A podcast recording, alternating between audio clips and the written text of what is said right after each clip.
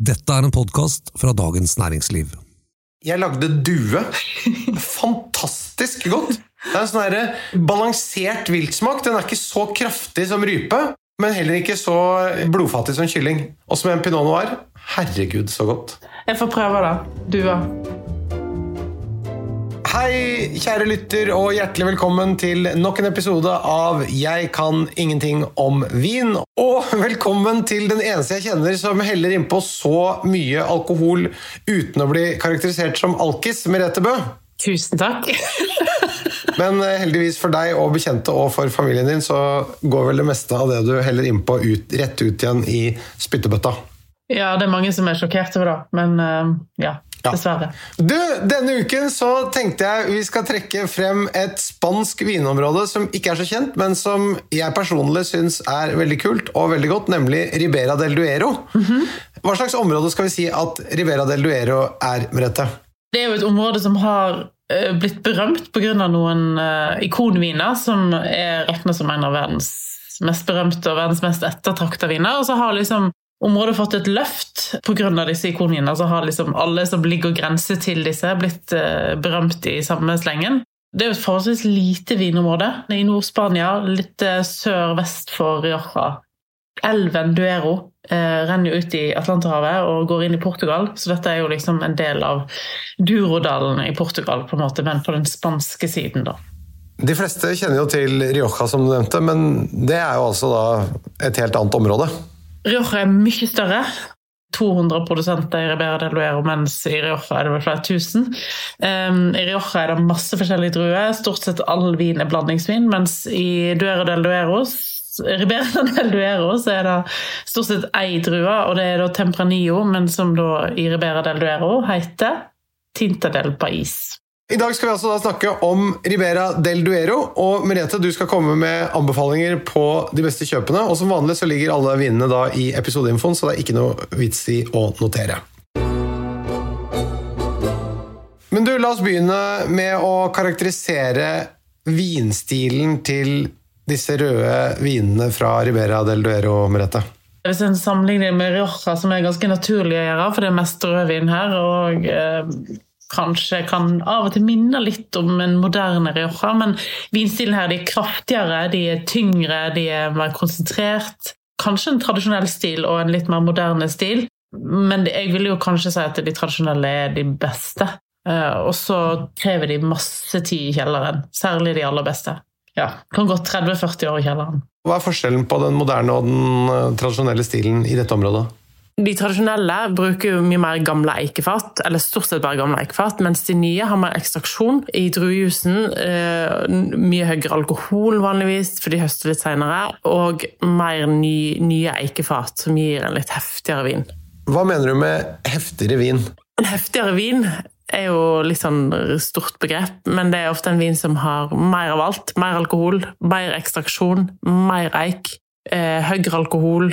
Ja, men du, eh, klassifikasjonssystem, hvordan er det med det i Ribera del Duero?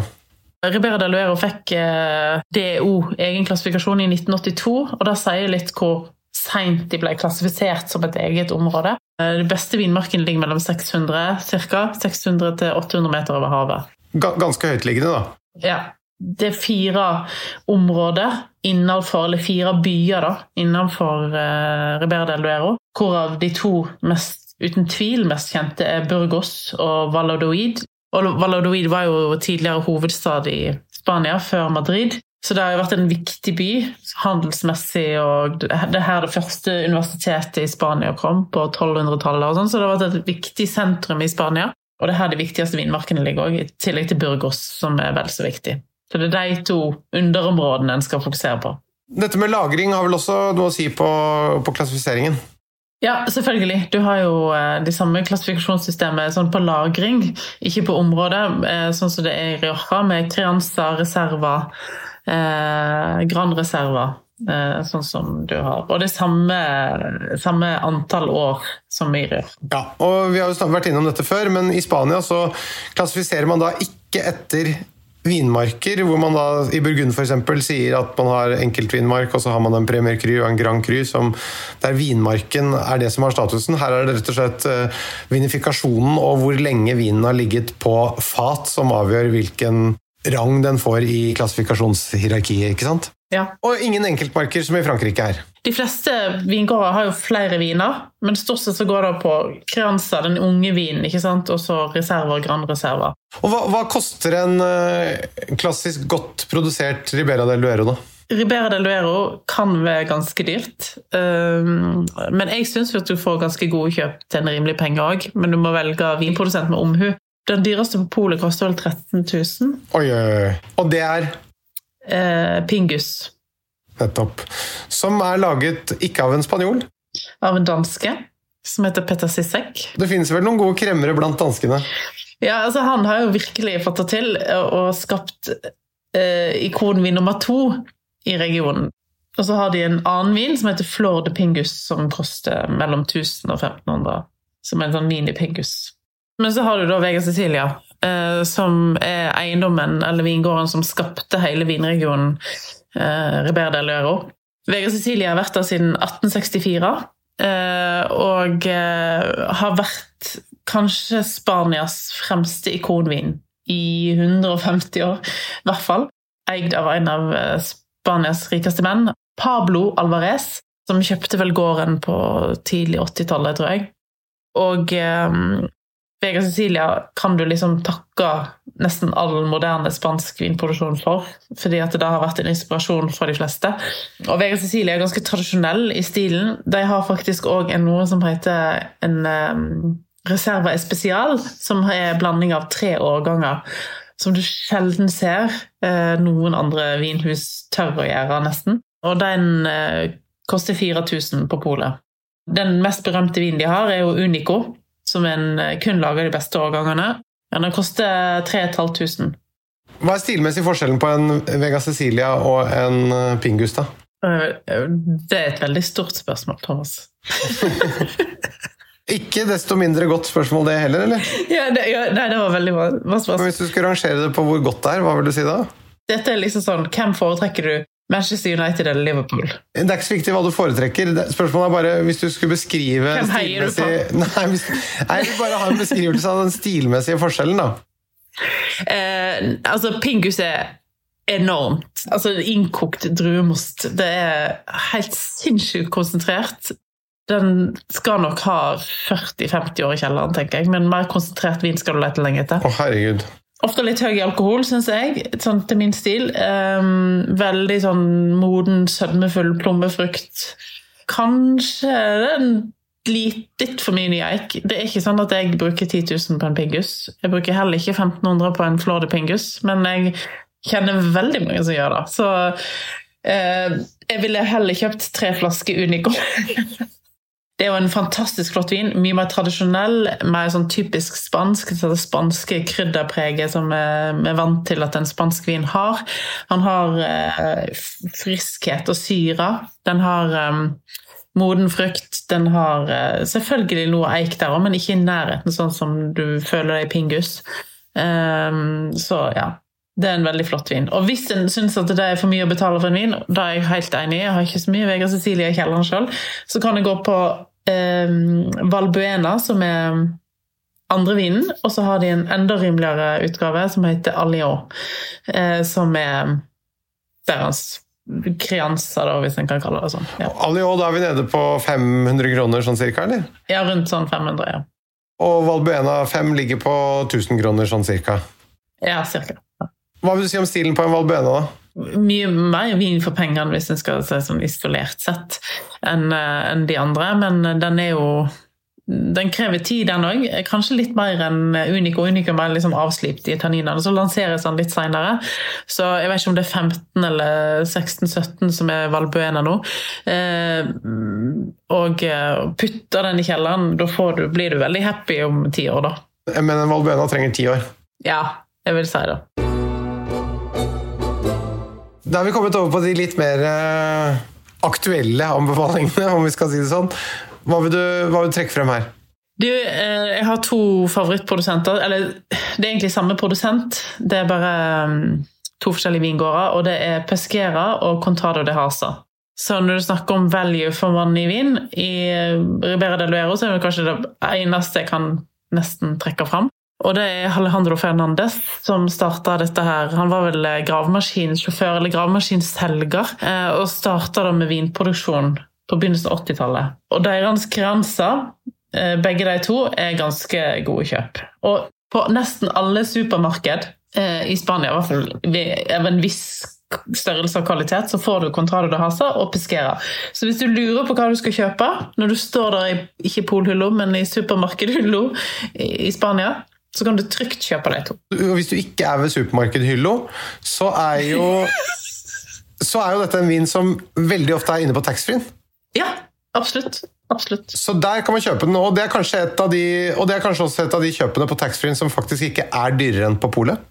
Uh, for, for, for det, det, må sies, det er mange av de vinene de har på taxfree-en som ikke er billigere enn på polet.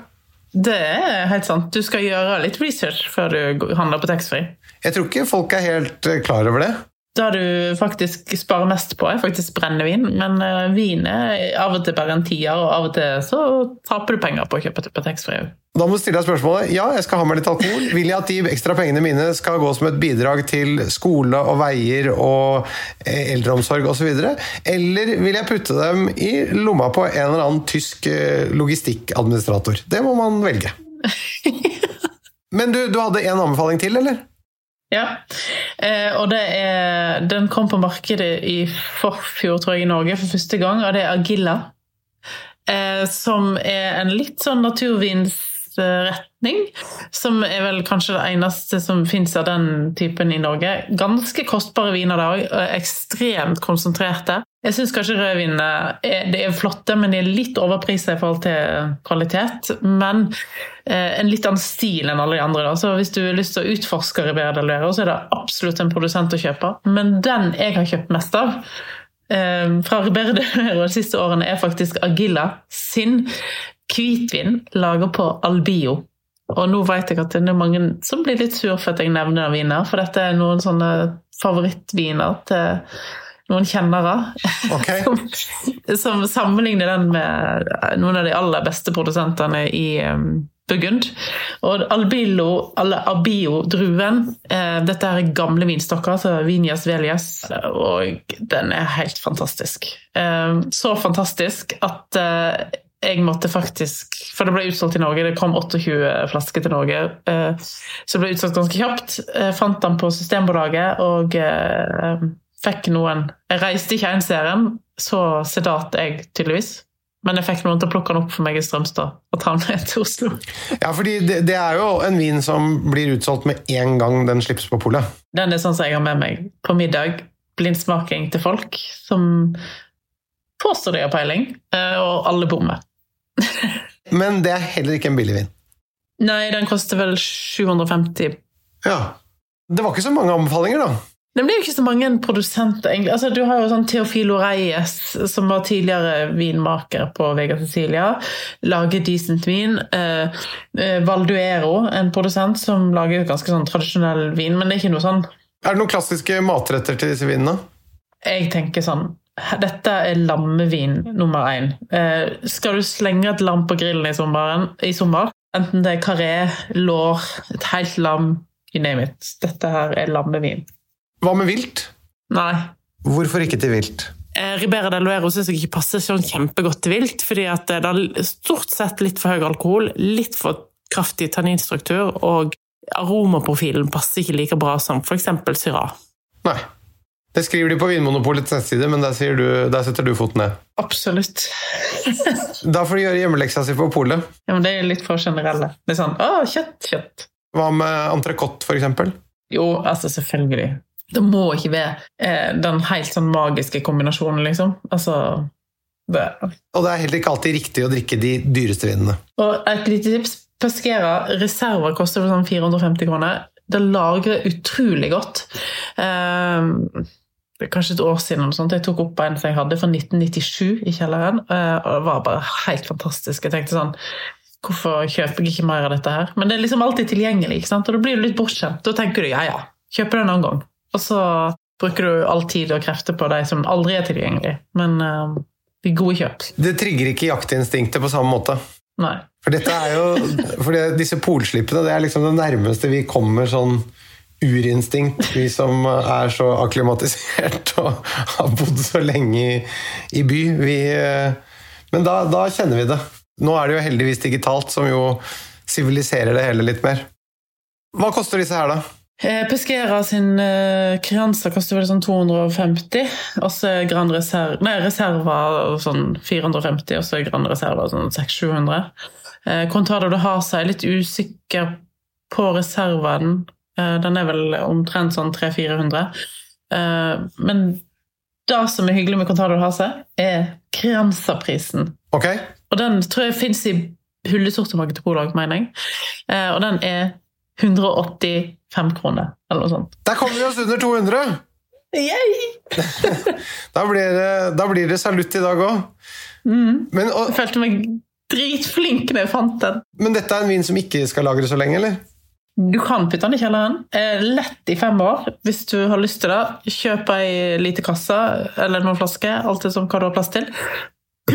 Så går det fint an å putte den i kjelleren. Blir bare bedre. Så en, en, en morsom og god vin å, å, prøve på når det gjelder å, å teste ut litt lagring også. Mm. Hva er den eldste vinen du har smakt fra dette området? Jeg mener den eldste var 60-talls Unico fra Vega Sicilia. Det er helt fantastisk. Det er grisedyrt, men det, i Norge så har vi faktisk en restaurant som jeg vil påstå kanskje har en av de største samlingene av Vega Cecilia i hele verden. Og den ligger i Hemsedal, og det er ganske kult, og heter Skigarden. Så hvis en hører på podkasten og er nysgjerrig på Vega Cecilia, og jeg har lyst til å prøve å modne Vega Cecilia, så kan jeg reise til Hemsedal. Yes.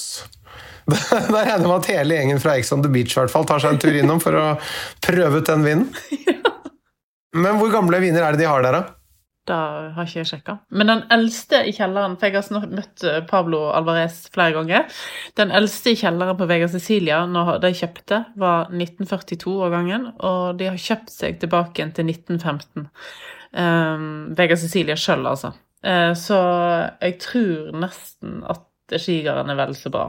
Men, men, når du smaker så gamle viner, smaker det fortsatt frukt da? Eller er det bare sånne stall og tobakk og lær og sånne andre lagringsaromaer? De beste smaker jo frukt, og det er jo det som er så kult. Jeg, jeg, må si jeg har smakt noen eldre viner, og da smaker det bare sånne lagringsaromaer. Ja, nei, det vil du ikke. Det som imponerer meg mest med en moden vin, han har syre. Han har uh, fruktsødme, han har liksom noe uh, av den primærfrukten i seg. Da blir jeg så imponert. Det, ja, for, for, fordi jeg, jeg syns jo litt av poenget må jo være at man får flere Man får mer kompleksitet og flere aromatoner. Ikke at man bytter ut fersk frukt med stall og lær og tobakk og sigarkasse. Nei. Da har du egentlig bare byttet ut noe med noe annet som kanskje ikke engang er bedre. Jeg er helt enig. Ok, Så da folkens, er det bare ute og kjøpe seg noe lam og teste ut Ribera del Duero? Ja, du, du, må fortelle meg hvorfor du var så opptatt av uh, dette vindistriktet. Du, nei, nei det, det var bare fordi at jeg husker at en veldig sånn tidlig eh, hva skal vi si for noe god rødvinsopplevelse hadde jeg på Pallas Grill en gang hvor vi fikk det servert til noe kjøtt. Og da spurte jeg hvor kom den vinen fra, for jeg syntes den var så god, og det var Ribera del Duero.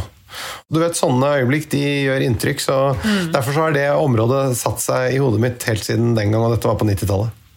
Det var alt vi hadde for i dag.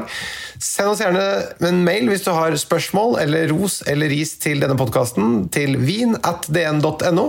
Podkasten vår den er produsert av Feelgood for Dagens Næringsliv, og vi snakkes igjen om en uke. Ha det bra, Merete. Ha det. Den duen har du skutt deg sjøl på sankthanshaugen, eller? Nei. Jeg fanger den med håp.